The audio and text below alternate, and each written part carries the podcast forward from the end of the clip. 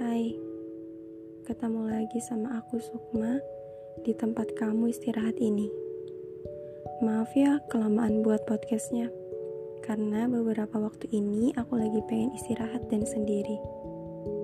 Maaf juga ya ngerekamnya malam-malam, jadi mungkin nanti ada beberapa suara yang aku khawatir ngeganggu kamu. Oh iya, gimana kabar kamu? Visi kamu dan perasaan kamu? Aku harap baik-baik aja ya. Kalaupun lagi nggak baik-baik aja, it's okay. Kita manusia.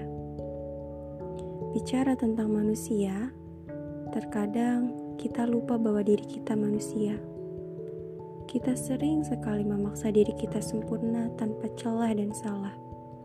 Sampai akhirnya kita terluka oleh ekspektasi dan penghakiman diri kita sendiri. Pernah gak sih kamu capek dengan rutinitas, dengan hal yang memaksa kita memenuhi tuntutannya.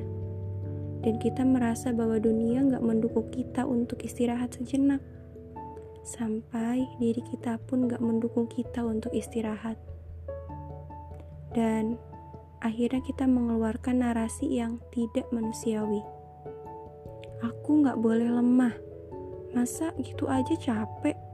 Aku harus bisa dan tuntutan lainnya yang kadang itu melukai perasaan kita yang datangnya dari isi kepala kita sendiri. Kamu tahu nggak? Kita emang sebenarnya nggak bisa untuk sempurna. Wajar kalau kita capek, lelah, sedih, dan pengen istirahat.